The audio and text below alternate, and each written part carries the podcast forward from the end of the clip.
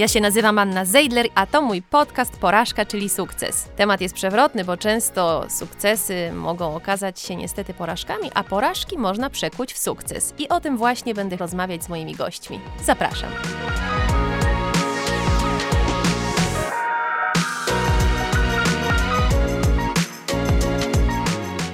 Dzień dobry, dzisiaj moją gościnią jest aktorka Beata Ścibakówna. Dzień dobry, Beatko. Dzień dobry. Chyba powinnam była Cię przedstawić y, aktorka i producentka, bo od jakiegoś czasu nie tylko grasz, ale też produkujesz spektakle teatralne. Tak, to prawda, to prawda. Oprócz aktorstwa zajmuję się też produkcją właśnie spektakli teatralnych. Coś powiesz o tych oszustach? Oszuści to jest mój piąty spektakl, który wyprodukowałam. Krótka historia? Króciutka historia. Pierwszy spektakl, który wyprodukowałam był w 2006 roku. Był to spektakl One z doborową obsadą Małgorzata Korzuchowska, Edyta Olszówka, Dorota Landowska i ja. Cztery dziewczyny.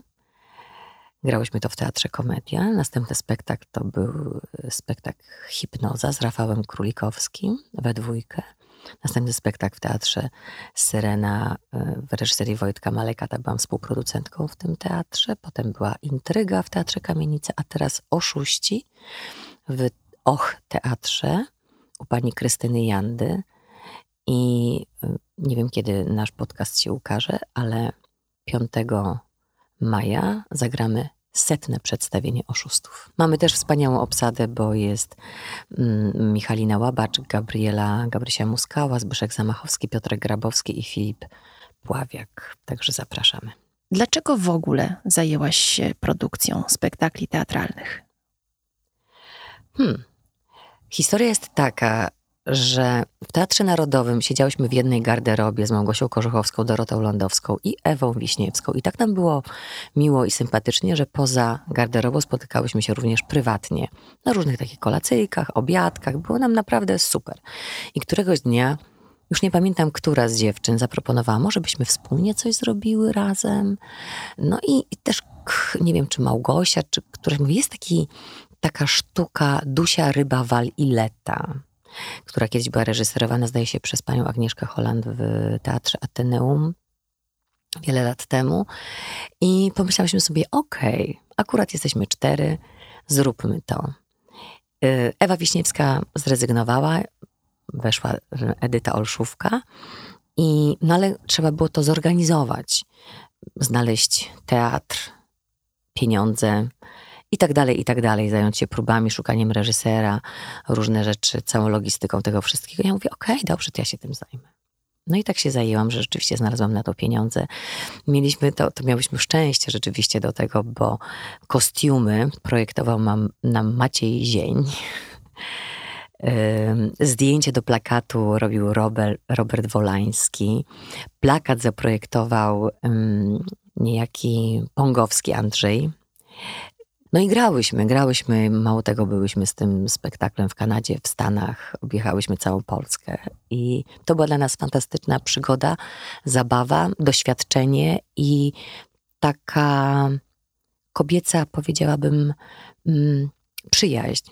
Nigdy nie było między nami konfliktów żadnych, w co może trudno uwierzyć, ale naprawdę dobrze się czułyśmy ze sobą i, i, i to był naprawdę bardzo Żadnych miły czas. konfliktów, żadnej rywalizacji, żadnej zazdrości. Nie, nie, dlatego, że też w tym spektaklu cztery dziewczyny grają i każda z nich ma dobrą i ciekawą rolę do zagrania i dla każdej z nas to było wyzwanie.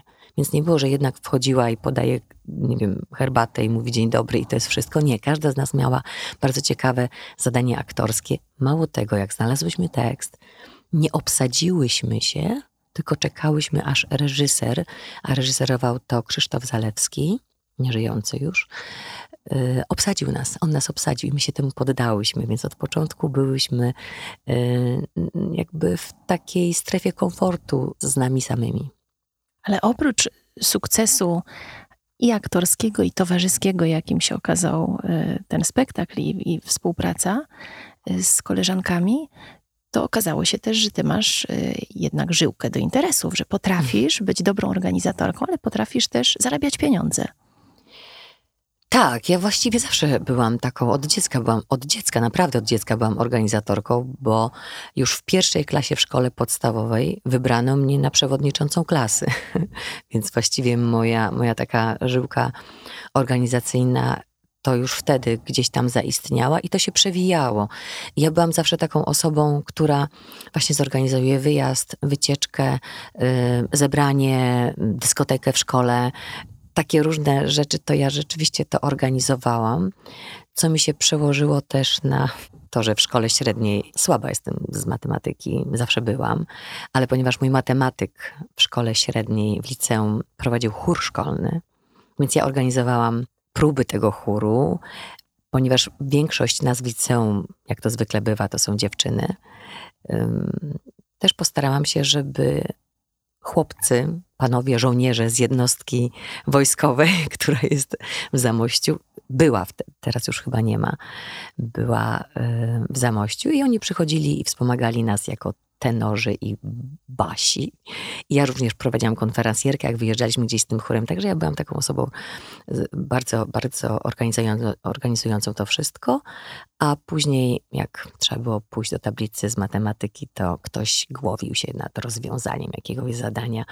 A pan profesor mówi, Beata, proszę bardzo, tutaj jak to dokończysz. Trzeba było tylko wstawić odpowiednie cyfry pod odpowiednie x i y różne. To zawsze potrafiłam zrobić w licznych y, wywiadach mówiłaś, że y, jako młoda dziewczyna miałaś dużo w sobie takiej niepewności i weszłaś do warszawskiego świata show biznesu mocno onieśmielona. Ja w tym Zamościu, w którym się wychowywałam, w cudownym mieście, byłam osobą taką, mm, jak to się teraz mówi, popularną. I nie miałam problemu, że jak zdałam do szkoły warszawskiej teatralnej, że do Warszawy, dla mnie to nie było nie był problem.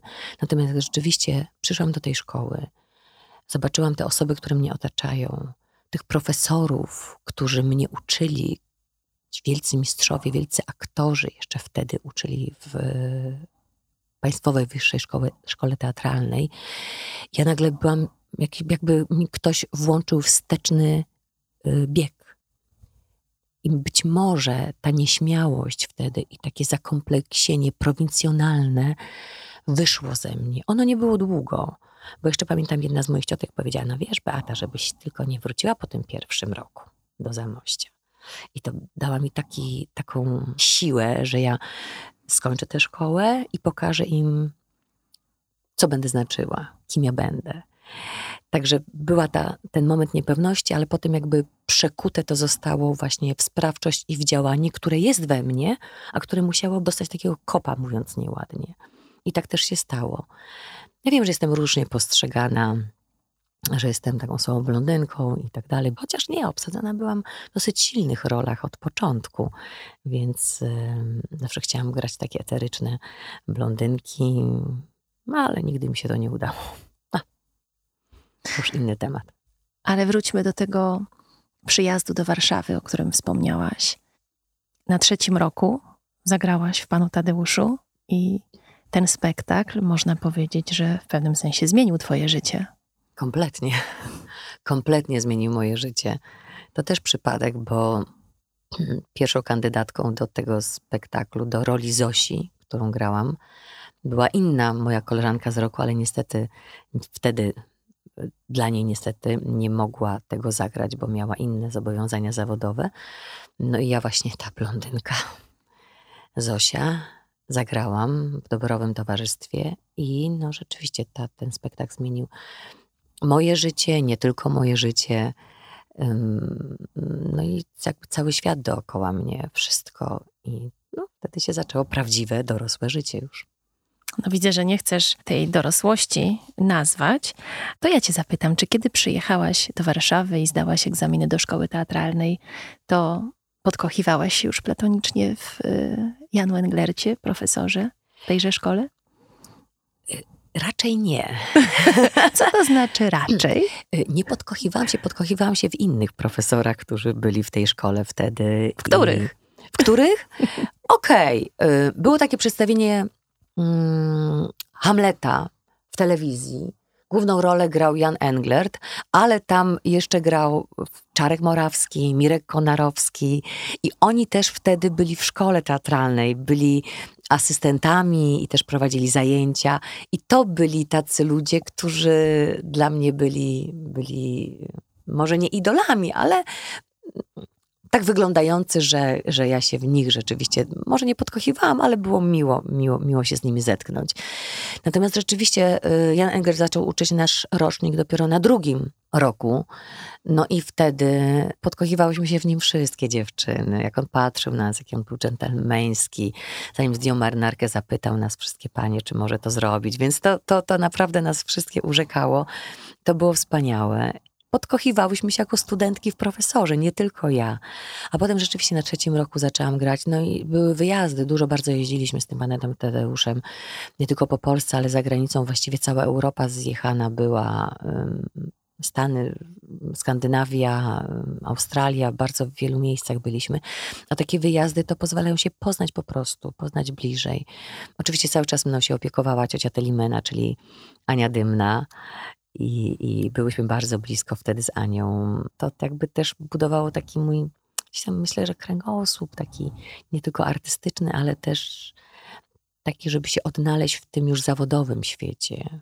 Premierę miałam w 1991 roku, a graliśmy do momentu, w którym pan Andrzej Wajda wyreżyserował swojego pana Tadeusza, film – no i wtedy jakby film zaczęli wszyscy oglądać już mniej teatr i wtedy skończyliśmy grać, zagraliśmy 350 spektakli. Powiedziałaś, że z tym spektaklem y, tak naprawdę zwiedziłaś cały świat, byliście prawie wszędzie, ale mnie najbardziej interesuje Australia. Czy wtedy, kiedy skakałaś przez falę z ówczesnym profesorem, czy wtedy już czułaś, że coś się między wami wydarzy? Wiele rzeczy się w podcastach mówi po raz pierwszy. Jest tak intymnie, tak tutaj w studio i miło. Y, nie ukrywam, że przez te nasze podróże z panem Tadeuszem, tak jak wspomniałam, poznaliśmy się. Poznaliśmy się bliżej, jakimi jesteśmy ludźmi. Wszyscy, cała nasza piątka, cała nasza obsada.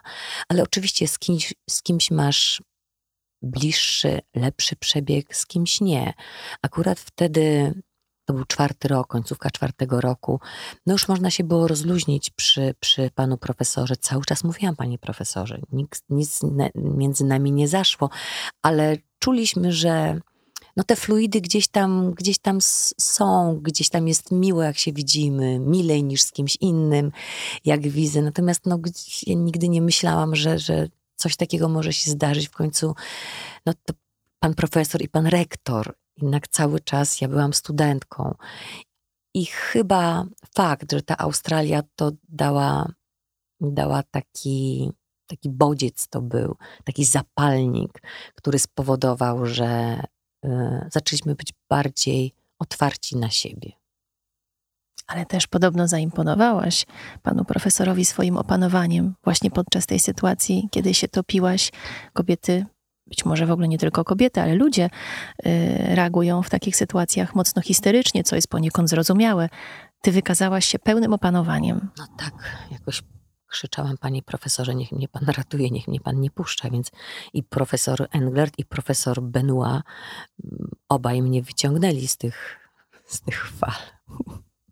Fakt. I potem jak byłam dzieckiem, to się topiłam, więc to gdzieś tam taka trauma z wodą jest, nie jest mi bliska. Wciąż jak pływam, to, to muszę mieć głowę na, na, na powierzchni wody y, z niekorzyścią dla mojego kręgosłupa.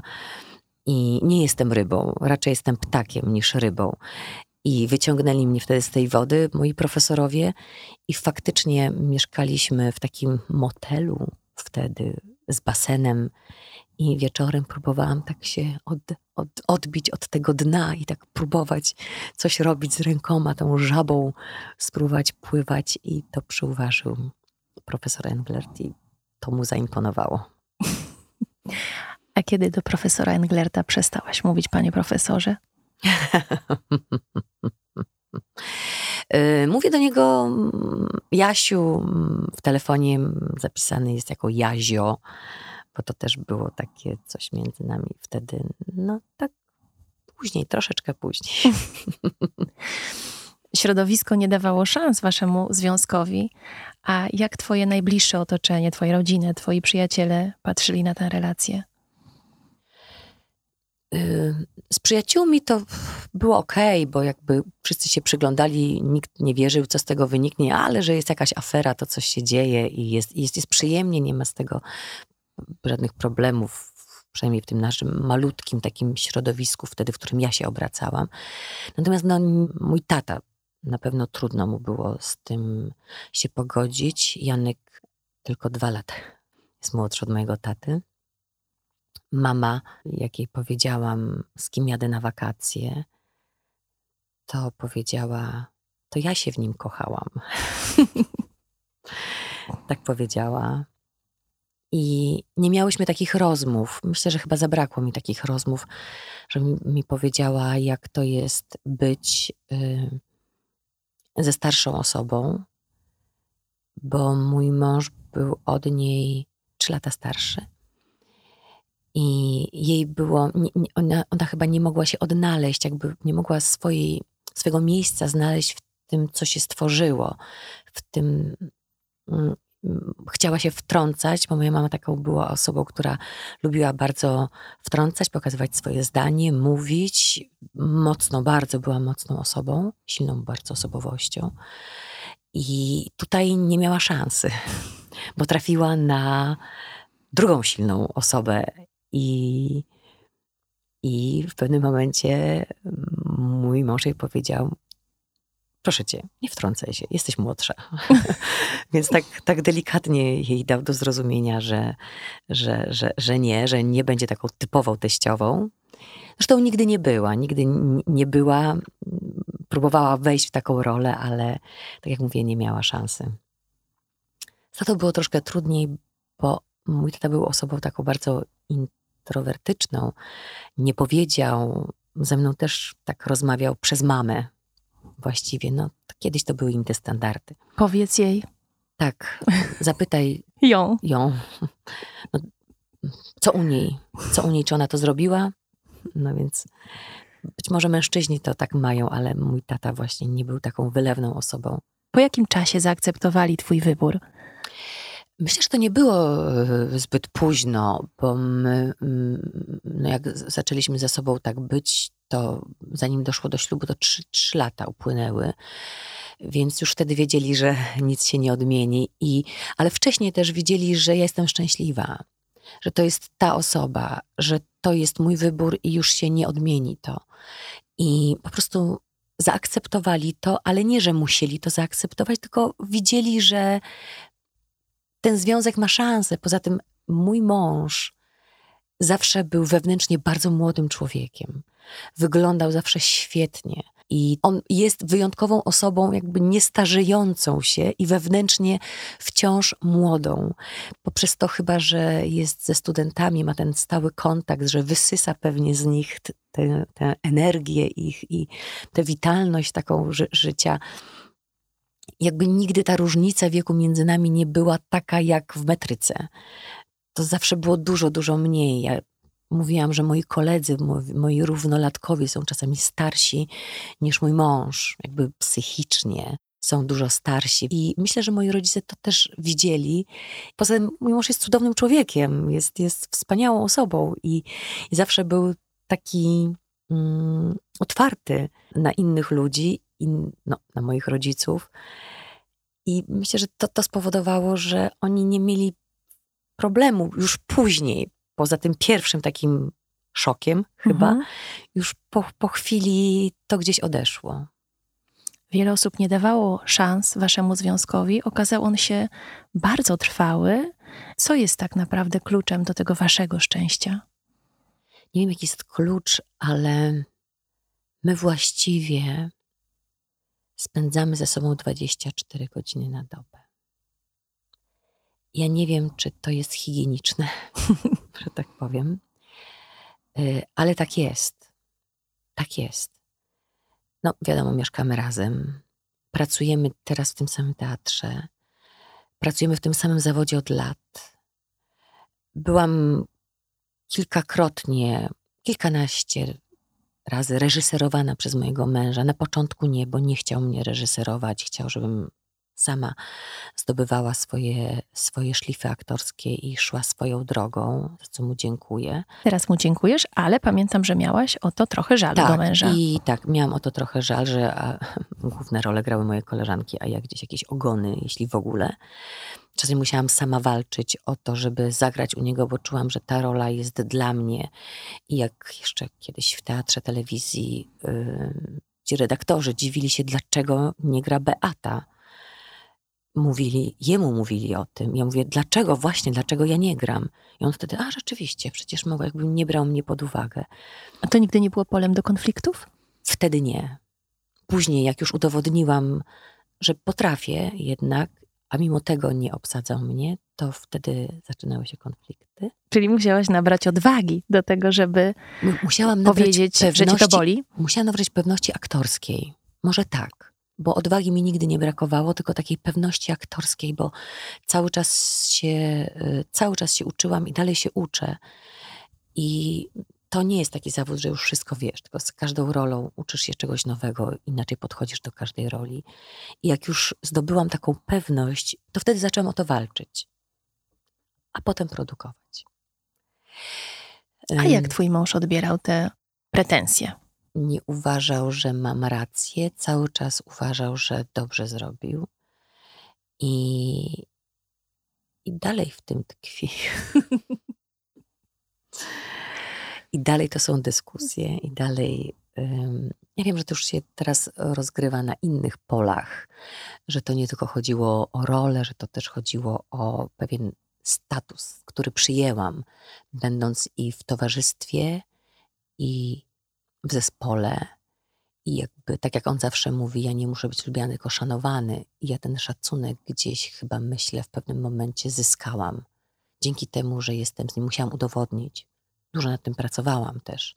Pracowałaś żeby... nad tym, żeby nie być żoną Jana Englerta? Tak, ale też, żeby być godną żoną. Może to nie brzmi w tych dzisiejszych czasach feministycznych dobrze, ale wtedy, w 90 latach, ja naprawdę bardzo dużo musiałam się nauczyć. Podglądałam, patrzyłam, czytałam też jakieś savoir vivre, różne takie rzeczy.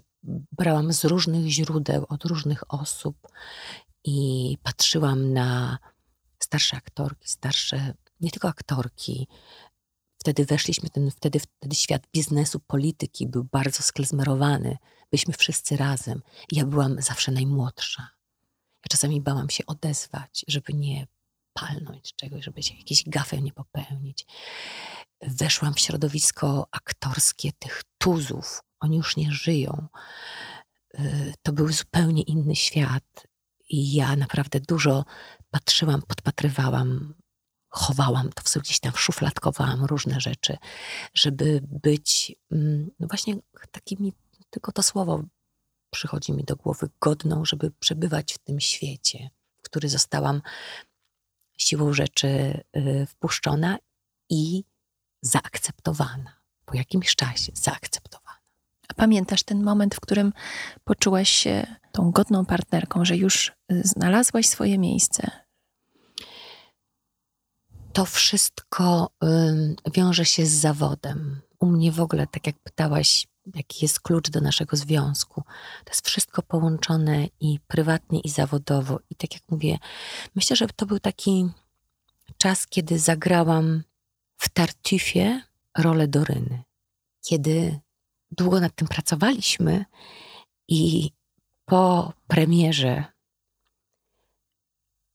wzruszam się, bo to wzruszające dla mnie. Po premierze profesor Jarocki, który przeczołgał nas chwilę wcześniej w innym spektaklu, podszedł do mnie i powiedział mi, że nie spodziewał się, że mogę tak zagrać.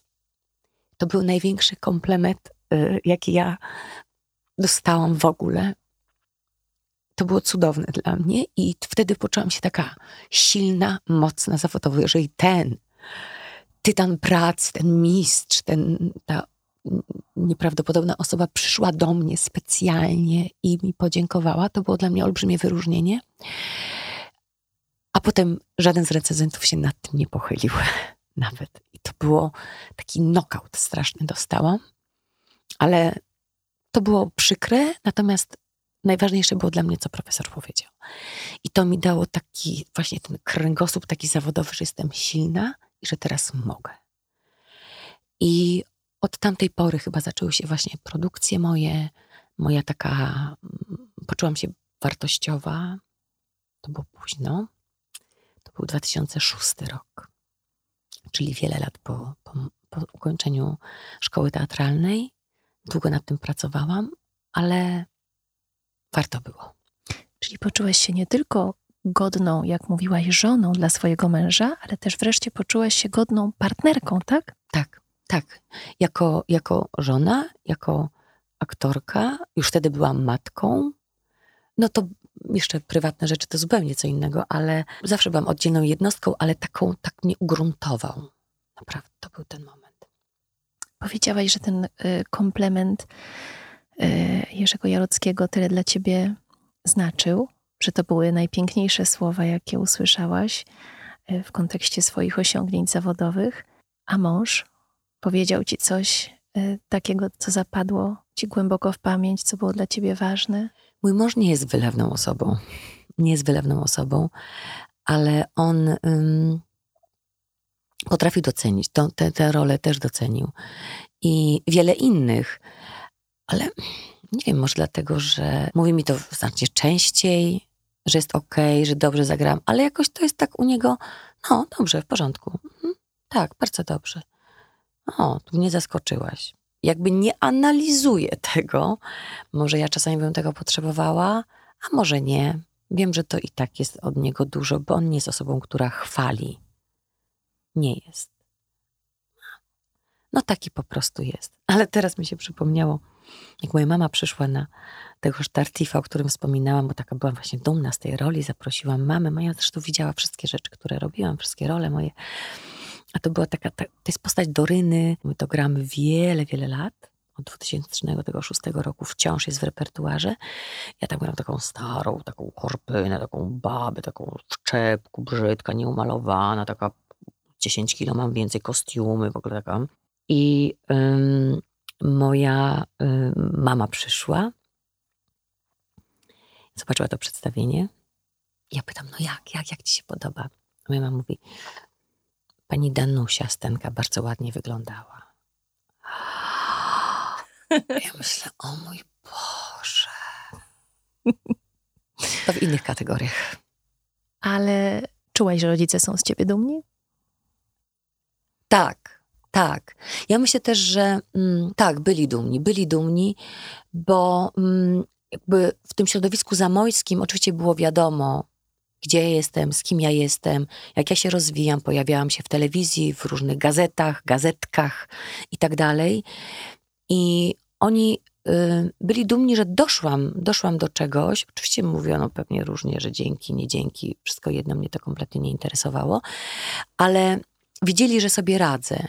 I widzieli też, y, co dla tych ludzi, chyba może z tych mniejszych miasteczek i w tych trudnych latach 90., wiedzieli, że mam pewną taką stabilizację też finansową, że nie jestem zaplątana w jakieś kredyty, jakieś, chociaż my z, moim mężem zaczynaliśmy naprawdę od dwie walizki.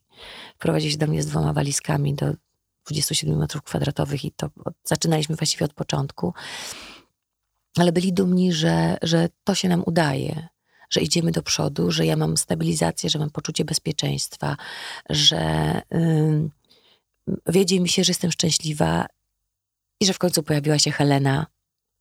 To też było dla nich ważne, że to wszystko spoiło się pięknie, ten cały związek. Mój, mój tata z moim mężem to był fantastyczny związek. Oni się bardzo lubili i bardzo, bardzo między nimi taki był fajny przebieg. Także to już, to już tak się stało. W pewnym sensie też y, stworzyliście rodzinę patchworkową. Nie.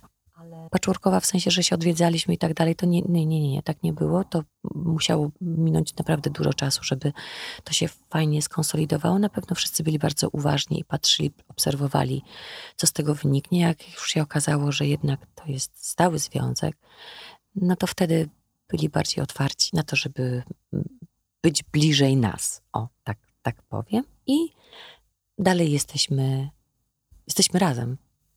Pamiętam, że ty wtedy to skomentowałaś takimi słowami: W życiu wszystko się może zdarzyć, ale nic nie musi. Tak, ładnie powiedziałam.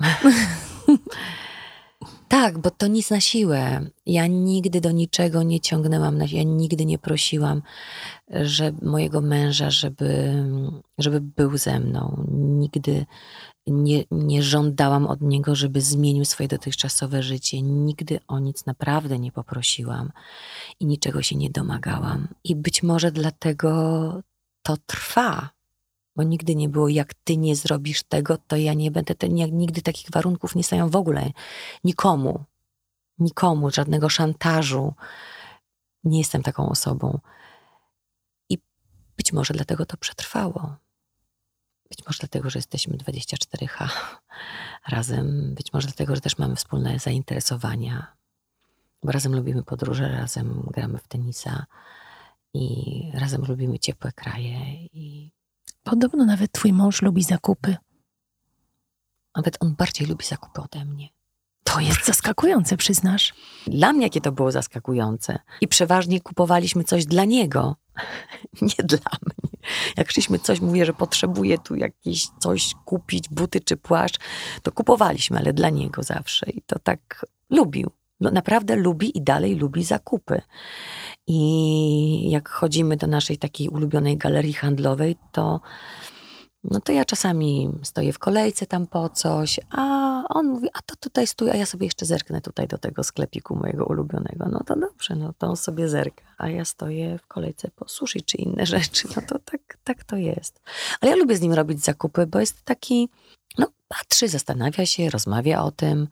Chociaż jak ja chcę do swojego sklepu wejść, to on zostaje na zewnątrz. No nie, no nie wiem, czy do, lubię do końca, nie wiem, nie wiem, nie wiem. Nie wiem ale nie jest osobą, która cię odwodzi od wydawania pieniędzy, tak jak większość mężczyzn? Ja nie lubię zakupów. Jakby to powiedzieć, jestem bardzo ostrożna w wydawaniu pieniędzy. Bardziej niż twój mąż? Myślę, że tak. Jak coś potrzebuję, to kupuję, a nie kupuję po to, żeby kupować. Tak. Czyli to są zawsze przemyślane decyzje? Tak. Tak, to jest straszne, co ja pewnie mówię teraz, bo kobiety są zakupocholiczkami, mężczyźni zresztą też. A jestem bardzo racjonalna w tym wydawaniu. Naprawdę, jak mi się coś podoba, podobają mi się rzeczy, które nie są tanie, no, umówmy się. tak przeważnie bywa. Chociaż basiki mam z, z, z sieciówek, ale, ale już porządne rzeczy to mam dosyć, no, kosztowne są to czasami rzeczy.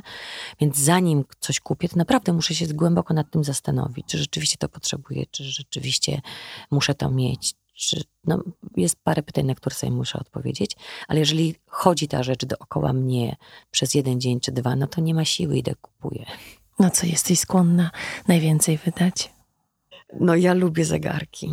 Lubię zegarki naprawdę no, lubię zegarki, lubię dobre, dobre zegarki, lubię ładne zegarki. Też jestem wybredna. Jestem wybredna w kupowaniu takich rzeczy. Ale ten na przykład, który mam tutaj, to zobaczyłam go kiedyś na lotnisku, potem w Rzymie, a potem kupiłam go w Londynie, bo, bo chodził za mną, jeździł po tych różnych miastach cały czas i musiałam go kupić i, i go mam. Chciałam Cię y, zapytać o tę pracę z mężem, bo wspomniałaś, y, że jesteście 24 godziny na dobę razem, tak naprawdę. Y, twój mąż w jednym z wywiadów z okazji Waszego długiego pożycia małżeńskiego, bo jesteście razem już 28 lat, powiedział, że no, Wasza relacja oczywiście ewoluowała i że on w pewnym sensie mm, z roli profesora został zdegradowany do roli twojego asystenta. Tak. Co tak naprawdę miał na myśli? No, że ja się rozwinęłam i też wiem, też umiem, też yy, potrafię. Ty jesteś tą osobą, która podejmuje decyzje w domu, która tak naprawdę rządzi. Tak, tak, tak. No, mój mąż rządzi w teatrze, tylko tam ma od tego różnych asystentów, znaczy asystentów nie, ale ma cały sztab ludzi, którzy mu w tym pomagają. Ja jestem w domu sama i rzeczywiście te ważne decyzje to muszę ja podejmować, chociaż te najważniejsze podejmujemy wspólnie, żeby nie było. Ale y, znaczy ja też mówię, że pewnie miał na myśli to, że jest reżyserem, jednak dyrektorem, pedagogiem, więc rzeczywiście jest tym, tym był, był, był mistrzem, a teraz jest asystentem, bo ja też wiele rzeczy nauczyłam się, wiadomo, i wiem, po prostu wiem i stawiam na swoim. W jakich tematach potrafisz się uprzeć i postawić na swoim? W różnych. W różnych tematach, nie tylko zawodowo, ale potrafi też rozkminić e, rolę, nad którą on pracuje. Dużo rozmawiamy na tym i czas, czas, czasami przyznaje mi rację, chociaż on jest gaduło i bardzo dużo mówi, mówi, mówi, ale ja potem coś powiem i no, na przykład zgodzi się ze mną, albo moja propozycja jest taka i taka i oczywiście się nie zgadza, potem wychodzi na moje bardzo często różne rzeczy. No to trzeba też mieć taki sposób, żeby tak dojść do, od, od, od, odpowiednią ścieżką do tego. Ja dosyć ciężko przeszłam pandemię i było mi z tym bardzo źle. I jak, no to, to są takie może, może banalne rzeczy, ale ja chciałam strasznie wyjeżdżać. Żeby, żeby nie być tutaj, żeby wyjechać. Jak mogliśmy wyjechać gdzieś tam do Emiratów Arabskich, to, to ja jednego dnia kupiłam bilet następnego i pojechaliśmy. Mimo tego, że bardzo się obawiał. Oczywiście wiem, że ryzykowałam. Ryzykowaliśmy oboje, bo wtedy jeszcze chyba nie wiem, czy były szczepionki, czy już nie pamiętam, czy, czy nie było tych szczepionek, czy, czy testy trzeba było robić. I, I wiem, że się bał, ale powiedziałam, że trudno, no musimy, bo ja nie, bo ja nie wytrzymam tym razem. Nie, nie, nie dam sobie rady ze sobą. I pojechaliśmy, i potem był mi bardzo wdzięczny za to, że, że jednak zdecydowaliśmy się, bo to takie była taki, no, głowa, głowa się zresetowała. I w innych sytuacjach też, no, czasami ja muszę być tą osobą, która podejmie ostateczną decyzję. Potem ja to organizuję wszystko. Też. Ale w pracy bywasz asystentką reżysera. Tak. Czyli pracujesz jako asystentka swojego męża. Tak, tak, ale to bardziej sama chciałam, sama się zgłosiłam do tego, a to tylko dlatego, że wiedziałam, że wtedy nic nie robię zawodowo w żadnym, nie mam żadnych swoich planów jakby serialowych i filmowych. Mam czas i chcę wykorzystać ten czas, żeby się czegoś nauczyć, żeby z innej perspektywy spojrzeć na scenę, co mi bardzo, bardzo mi się podobało i dwukrotnie już to zrobiłam. Poza tym no, też y, asystentura to nie, nie tylko przynoszenie kawy i herbaty, czego nie robiłam, natomiast to jest przede wszystkim układanie jakby drabinki, kto kiedy jaką scenę ma zrobić, kto jest dyspozycyjny, kto nie, więc znowu te, moje te zdolności organizacyjne tutaj bardzo się przydały. Jednocześnie byłam też w pewnym momencie suflerką, bo, bo nasza przyszła dopiero pod koniec prób, więc ja też suflowałam i umiałam to robić, bo wiedziałam w którym momencie co i jak, bo jestem aktorką, więc wiem jak. No i, i, no i patrzyłam, jak to reżyser kombinuje, kręci. A też było mi bardzo miło, że jak siedzieliśmy przy tym stoliku, takim jednym czy dwóch, czy ja siedziałam przy stoliku, bo pisałam, a Janek biegał na tą scenę i pokazywał, no bo to reżyserował. Zawsze mówię, że od reżyserii najbardziej bolą nogi. I, i biegał, i czasem jak coś powiedział, to tak patrzył na mnie z taką, dobrze mówię? Podoba ci się? Okej, okay, to będzie dobrze? Że ja, ja wtedy kiwałam, że tak. I jakby szukał tej aprobaty we mnie, albo takiego potwierdzenia, że to, co robi, to, to, to, to jest okej. Okay. To było, żeby tu nie zabrzmiało, że ja jestem jakąś wyrocznią, absolutnie o to chodzi, ale to było takie miłe, że jak się coś robi, no to chce się tego, tego drugiego oka, tego spojrzenia z zewnątrz, czy, czy to jest właściwy kierunek. I to dla mnie też było, było dobre i myślę, że się dużo nauczyłam będąc asystentką Jana Englerta. E, twój mąż w jednym z wywiadów powiedział, że z biegiem lat życie staje się coraz trudniejsze, a granie coraz łatwiejsze. Czy ty się z tym zgadzasz? O, chyba jeszcze nie jestem na tym etapie. Myślę, że jest coraz większa odpowiedzialność i to wielu, wie, wielu aktorów się ze mną zgodzi. Na pewno wiele osób tutaj mówiło, że im się jest starszym, tym przed premierą, bardziej doświadczonym, tym przed premierą ma się większą tremę, coraz większą tremę. Ja uwielbiam tremę, uwielbiam taką tą adrenalinę, może nie tremę, ale taką adrenalinę, jak słyszę w interkomie, że ludzie przychodzą, że widownia się zbiera, że coś mówią, jeden dzwonek, drugi, trzeci, zaczynamy. I jak byłam młodą aktorką, to zawsze premiery mi się nie udawały, bo mnie to tak spinało, te nerwy były paraliżujące. Paraliżujące i były na górze. Zamiast mnie y, podnosić, to one mnie paraliżowały właśnie. I zawsze moja premiera, każda premiera była nieudana. Dopiero od pewnego momentu, chyba naprawdę jak zrozumiałam, o co tym wszystkim chodzi, to wtedy ta adrenalina mnie mobilizowała. I wchodziłam na scenę i to już było to oczywiście pod warunkiem, że jestem przygotowana. No bo nigdy nie lubiłam, zdarzało się tak czasami, że a to jeszcze rozegramy się. Nienawidzę tego. Ja chcę być przygotowana. Wiadomo, że się potem rozegramy, każdy w swojej, w swojej roli się osadzi, ale nienawidzę, że coś mamy zrobione na 85%. Nie, na ten moment, na to premiery musi być 100%, a potem jeszcze więcej. A z tym, że życie staje się coraz trudniejsze z biegiem lat, zgadzasz się? Jakie są trudności? Też należałoby sobie zadać pytanie, co to są za trudności. Jak to się mówi, małe dziecko, mały kłopot, duże dziecko, duży kłopot. Nigdy tego nie rozumiałam. A teraz chyba rozumiemy, jak to jest, bo dlatego, że są innego rodzaju problemy. To są inne wyzwania wtedy. I A myślisz, są... że to tylko jest kwestia y, różnorodności tych wyzwań, czy też y, odpowiedniego odbioru na pewnym etapie życia z pewnymi doświadczeniami, z pewną dojrzałością, po prostu na pewne rzeczy patrzymy inaczej i stąd widzimy w nich więcej trudności niż beztroski, kiedy człowiek był młody i wszystko wydawało się dużo prostsze. Tak, zdecydowanie, zdecydowanie tak. Te problemy są inne, te sytuacje są inne, bardziej wymagające. My, jest, my jesteśmy bardziej odpowiedzialni i niektóre rzeczy mogą nas przerastać, ale też mamy teraz, jest taki świat, że mamy dużo narzędzi, żeby się wspomóc. Słuchając nawet takich podcastów, ja myślę, że to też czasami gdzieś tam pomaga. Może jakieś głupoty mówię, a może nie, może nie. Yy, te wyzwania są inne ten, y, jak rozmawiam z moją córką, to ona ma inne problemy teraz, czy inne zapytania teraz, niż miała 10 lat temu.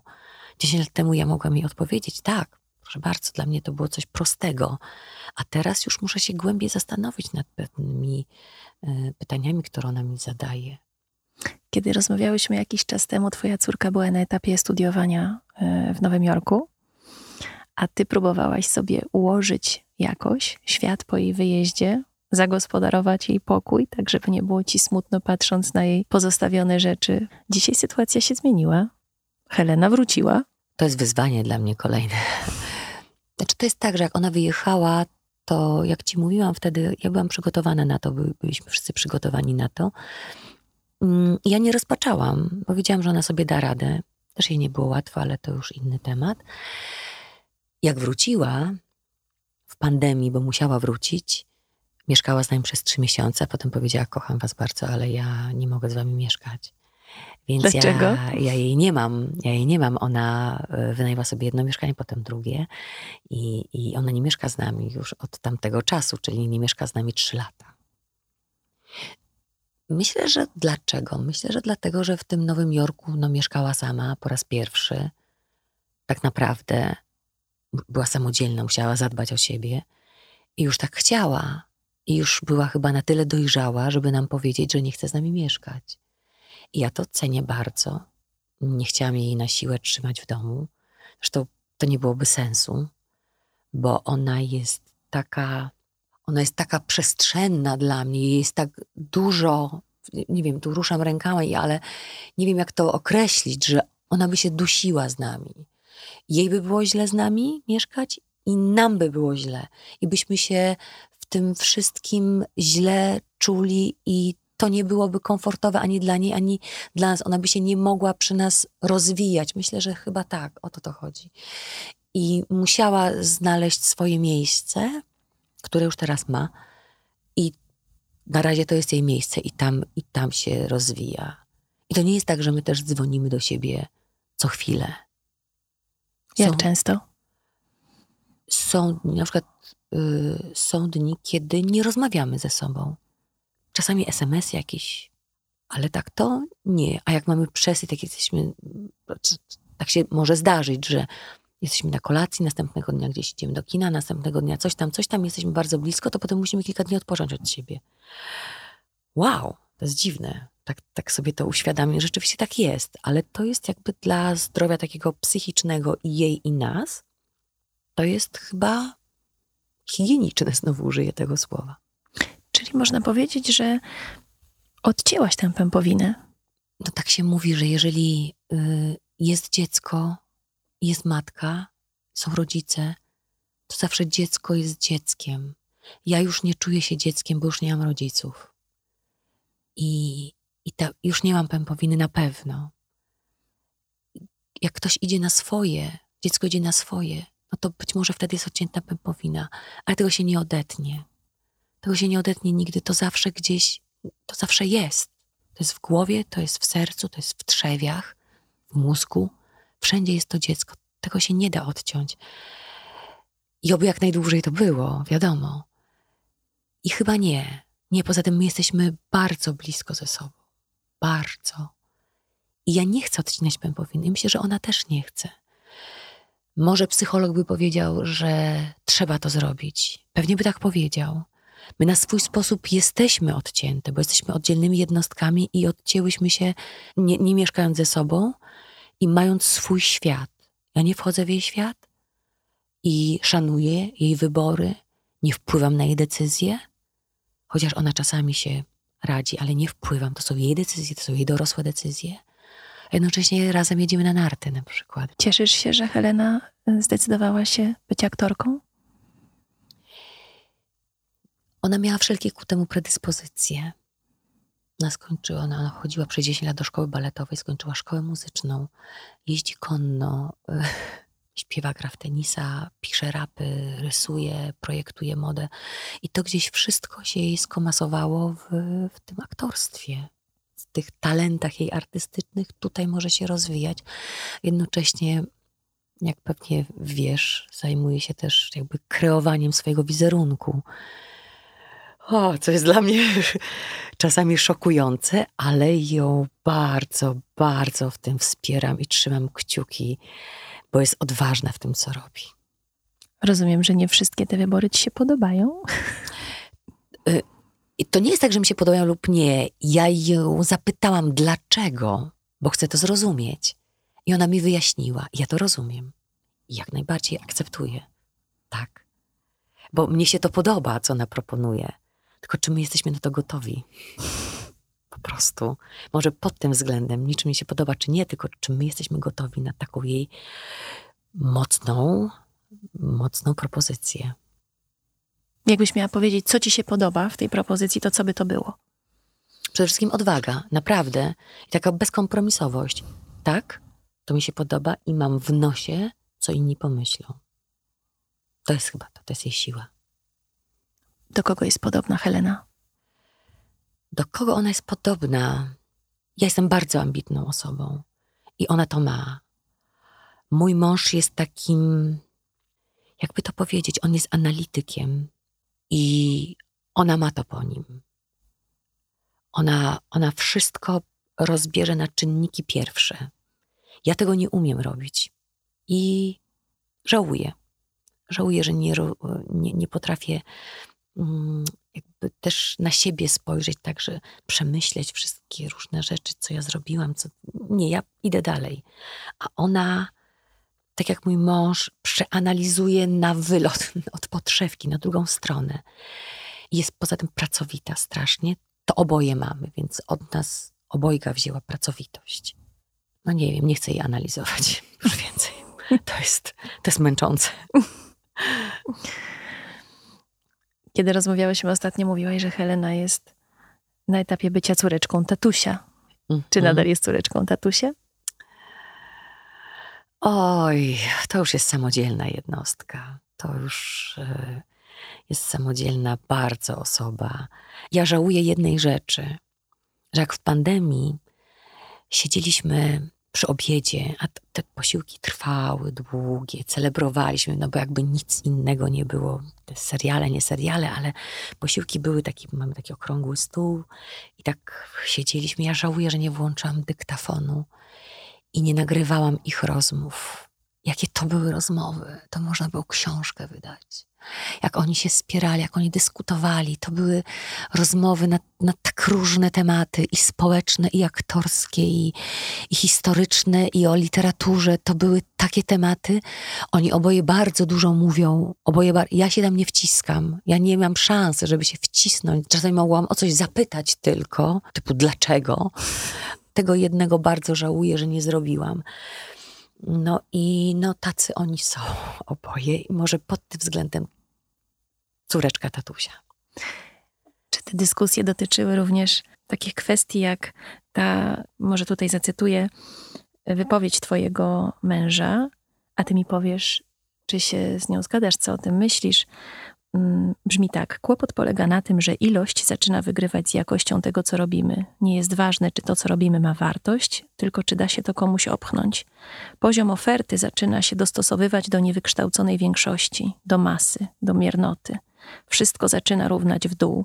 Kiedyś próbowaliśmy wejść na drabiny, na których górowali mistrzowie. Teraz odwrotnie. Mistrzom każe się schodzić w dół, żeby stali się dostępni dla tych, co stoją pod drabiną.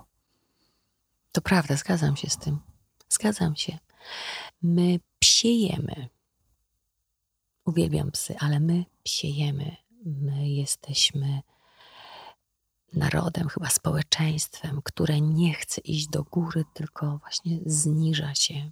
Popatrzmy, jaką mamy papkę w telewizji, w programach różnych.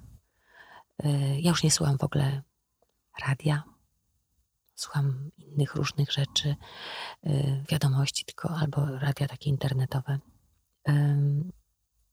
No nie, ale to się działo od wielu, wielu lat. To się działo naprawdę od, od wielu lat. I teraz jesteśmy tacy małostkowi. I tak jak kiedyś ludzie chcieli być wyżej, mieli cele osiągać, chcieli coś więcej jeszcze ponadto, tak teraz jest jakaś taka mm, taka, taka, taki poziom, który wystarcza. Nie chcą się starać. Nie staramy się, żeby być lepszymi, żeby coś osiągnąć. Oczywiście to jest takie generalizowanie i nie lubię tego, ale tak Norwid mi się teraz przypomniał, który powiedział, że jesteśmy wspaniałym narodem, a beznadziejnym, czy głupim, czy małostkowym społeczeństwem i coś w tym jest. Jak ludzie kultury w takiej rzeczywistości się odnajdują? Nie jest to łatwe. Tak mi się przypomniało teraz, że kiedyś czekało się na recenzję, które napisał pan Wanat Jerzy Kenik. Byli recenzenci, z którymi się liczyło. Jak ktoś napisał, to wiadomo, że to było ważne. Pewnie kiedyś jeszcze dawniej Słonimski, czy, czy jeszcze przed wojną. Natomiast teraz nie ma takiej osoby, z której zdaniem ja bym się liczyła. Nie czekam po spektaklu czy filmie, że ktoś napisze recenzję recenzję. Dzisiaj recenzentem jest internet. Internet i każdy może sobie wyrzucić. Oczywiście czasami są. Pan Tomasz Raczek ma wspaniałą audycję yy, o filmach i piszą, zwykli ludzie piszą tak przepiękne recenzje, a recenzje teatralne, że zagrała taką rolę i nie udało jej się na przykład i w nawiasie jest nazwisko, ale dlaczego? Po co? Nikt nie stara się zrozumieć, dlaczego tak, tak yy, reżyser to ujął, tylko jak się nie zgadza z wizją recenzenta tego krytyka tak zwanego, no to, no to, to, to już jest źle, B. I jakby nie ma tych mistrzów właśnie, o których mój mąż też tam, o których mój mąż mówi. I no tak to wszystko jest takie małe. Kto jest dzisiaj twoim mistrzem, Beato? O, to ciekawe pytanie. Kto jest moim mistrzem? Mój mistrz i asystentka, tak? ja, ja, może to jest tak, że z kim chciałabym pracować, może to bardziej na tej zasadzie, że z kim chciałabym się spotkać w pracy, czyje dokonania cenię i czyja wizja teatru jest mi, teatru czy filmu, czy kina jest mi bliska, to na pewno bym się chciała spotkać z Wojtkiem Smarzowskim w filmie, co pewnie się nie stanie, ale może wysyłam w eter. Natomiast w teatrze jestem ciekawa wielu osób. Akurat jestem w teatrze narodowym, gdzie reżyserują nietuzinkowi reżyserzy, gdzie tam nie ma tej papki.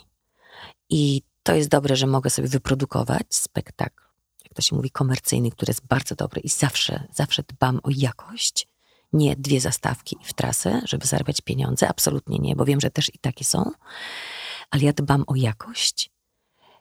Ale Teatr Narodowy zapewnia to, że jest zawsze dobra literatura i zawsze y, reżyser, który ma coś do powiedzenia. I wiem, że takie spotkanie niedługo jest przede mną z Małgorzatą Bogajewską. Na to się bardzo cieszę. Powiedziałaś też kiedyś, że ludzie, którzy określają się na Instagramie jako artyści, nie znają swojego miejsca, że mocno przesadzają, że na, na słowo artysta trzeba zasłużyć. Kto dzisiaj dla ciebie jest prawdziwym artystą? Dla mnie artystą to jest, to jest osoba, która coś tworzy od siebie, coś nowego, coś, czego nie było, coś wyjątkowego. Na przykład przed mi, w pierwszym momencie przed mi Rafał Olbiński, który jest artystą. Profesor Myjak, który jest artystą. E, Jerzy Grzegorzewski, nieżyjący już, on tworzył swój teatr. Swój teatr można było lubić lub nie. Wszystko można lubić lub nie, ale to jest jakaś propozycja. To jest coś nowego, nowatorskiego. I dla mnie te osoby są artystami. Ty się nie czujesz artystką? Nie, nie czuję się artystką. Nie czuję się artystką, dlatego że ja niczego nie wymyśliłam nowego. Nie. Yy, nie, czuję się rzemieślnikiem. Rzemieślniczką? rzemieślniczką? W swoim zawodzie się czuję. Yy, nie artystką. Nie, bo to nie jest nic odkrywczego, co ja, co ja robię. Ja po prostu wykonuję swój zawód. A aktorstwo to jest zawód, to nie jest misja, to nie jest posłannictwo, to jest po prostu zawód i rzemiosło. Jeżeli się ma narzędzia, które zapewnia szkoła czy doświadczenie, to wtedy się uprawia taki zawód. Żadnej misji, żadnego posłannictwa. Co ty uważasz za swoją największą porażkę? Porażkę. Hmm. Myślę, że największą moją porażką jest to, że nie pozwoliłam być sobie księżniczką. Co to znaczy? Że taka jestem, taki mam charakter, że wszystko muszę mieć pod kontrolą, wszystko musi przejść przeze mnie i że nie pozwoliłam się rozpieścić. Rozpieścić rodzicom, rozpieścić mężowi. Tak. A jak chciałaś być rozpieszczana? Czasami ktoś zapytał mnie, e, pyta mnie, jaką rolę chciałabym zagrać. Chciałabym zagrać rolę kopciuszka. Rolę y, właśnie księżniczki, rolę takiej bohaterki niesilnej, mocnej kobiety, która wszystkim rządzi, o wszystkim decyduje, bo taka jestem i w życiu, i takie przeważnie role dostaję, ale takiej słabej, słabej, takiej właśnie kobiety, nad którą trzeba się pochylić. Czyli tak naprawdę tęsknisz za tą beztroską. To poczucie odpowiedzialności jest dla ciebie trudne. Jest trudne. Znaczy, nie wiem, czy beztroską, czy to jest dobre. No tak jak księżniczki mają, że inni o nim dbają, że oni myślą o tym, a może by, może by księżniczka chciała y, na przykład pojechać sobie y, karetą do łazienek, no to ja bym chciała sobie pojechać karetą do łazienek, żeby ktoś za mnie coś czasami zadecydował, zarówno zawodowo, jak i prywatnie. I taką rolę dostać, żeby właśnie być taką, takim aniołem. A w domu rodzinnym nie byłaś księżniczką? Nie, ja bardzo dużo rzeczy robiłam. Ja, chyba nigdy nie będę księżniczką, bo ja zawsze miałam a to chór, a to szkołę muzyczną, a to harcerstwo prowadziłam, a to no, bardzo dużo różnych rzeczy też robiłam poza nauką normalnie szkolną.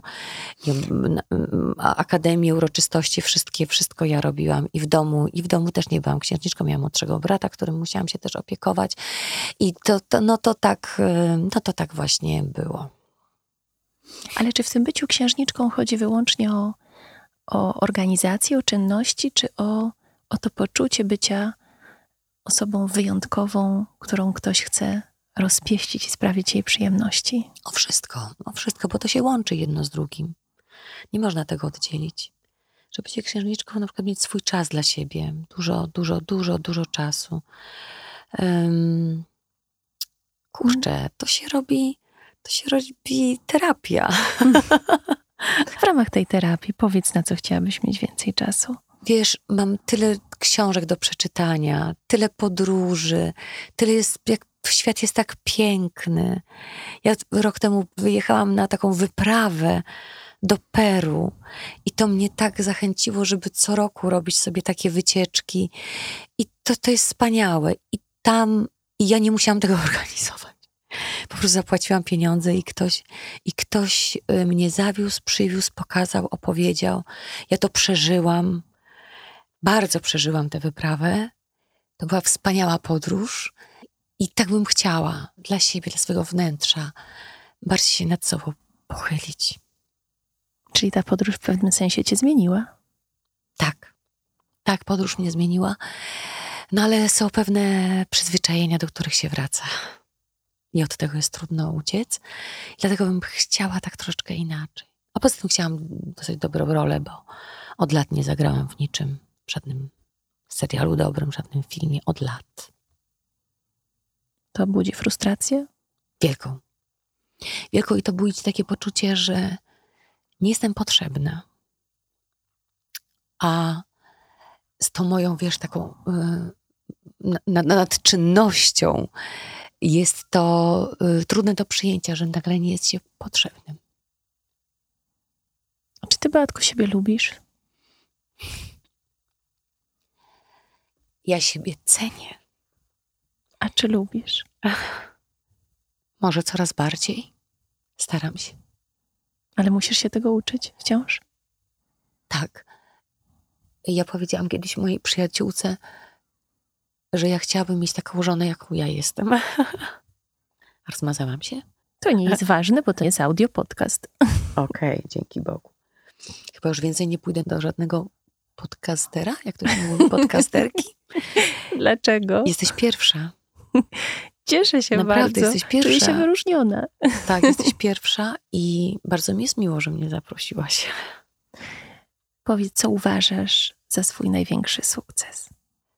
Sukces. Um, sukces. Myślę, że jednak, ja wiem, że wszystkie matki mówią, że dziecko. I też nie powiem ogólnie, że dziecko, tylko ja myślę, że największym sukcesem jest ta relacja między nami. To, jakie my jesteśmy dla siebie. Że potrafimy być bardzo szczere. Że potrafimy z moją córką powiedzieć sobie naprawdę różne rzeczy. Czasami się nawet zranić, ale to jest potem takie y, odświeżające. Ale też się kochać bardzo, bardzo. Chodzi o tę relację. Ta relacja jest, jest sukcesem. Pracowałyśmy nad tym. Ja dużo pracowałam też nad tym. Poza tym mamy jedną, więc chcę, żeby to było jak najlepiej. I wydaje mi się, że jeśli ona by to potwierdziła kiedyś, to byłoby dla mnie największe szczęście. No i myślę, że sukcesem jest to, że wracam do, do zawodu teraz, że potrafię sobie poradzić. Wiem, że zawsze sobie poradzę. Wiem to. Yy, bo jeśli nawet nie zagram, tak jak mówiłam, dawno nie gram, to sobie w inny sposób poradzę. Yy, właśnie produkcja, że stałam się odjed- oddzielną, od lat już oddzielną taką jednostką, która pracuje na siebie. Na siebie i tylko na siebie i wyłącznie też. Oczywiście też. I wiele osób mi zaufało. To jest moim sukcesem też, że udało się taki stworzyć zespół, jak zaproponowałam kiedyś rolę mojemu jednemu koledze i u mnie w produkcji mówi, zastanów się. On mówi, ja nie, ja już przyjmuję to. To było dla mnie wow, naprawdę? Czy rzeczywiście ma do mnie zaufanie, wie, że to nie będzie byle co, tylko to bierze będzie w ciemno. jakoś, tak, bierze w ciemno. Mówi, ja nawet nie muszę czytać, ja to już biorę, już masz ode mnie od razu. To było dla mnie miłe i to jest gdzieś sukces. 28 kwietnia będziesz obchodziła urodziny. Nie wiem, czy mogę powiedzieć, które. W każdym razie Ładne mówię urodziny. Są. Ładne są, bo są dwie piątki. 55 urodziny. urodziny. Powiedz, Beatko, na koniec, czego mogę ci życzyć? O, czego możesz mi życzyć? Oprócz tego, że, żebyś była księżniczką, Ach, żebyś tak. dostała rolę, o której marzysz, żebyś czuła się doceniona, niekoniecznie była doceniona, ale czuła się doceniona, bo można być docenionym, a nie tak. czuć się docenionym. To są dwie różne rzeczy. Żebyś czuła się doceniona, potrzebna, kochana, wyjątkowa. Życz mi, żeby to się wszystko spełniło. To już wystarczy.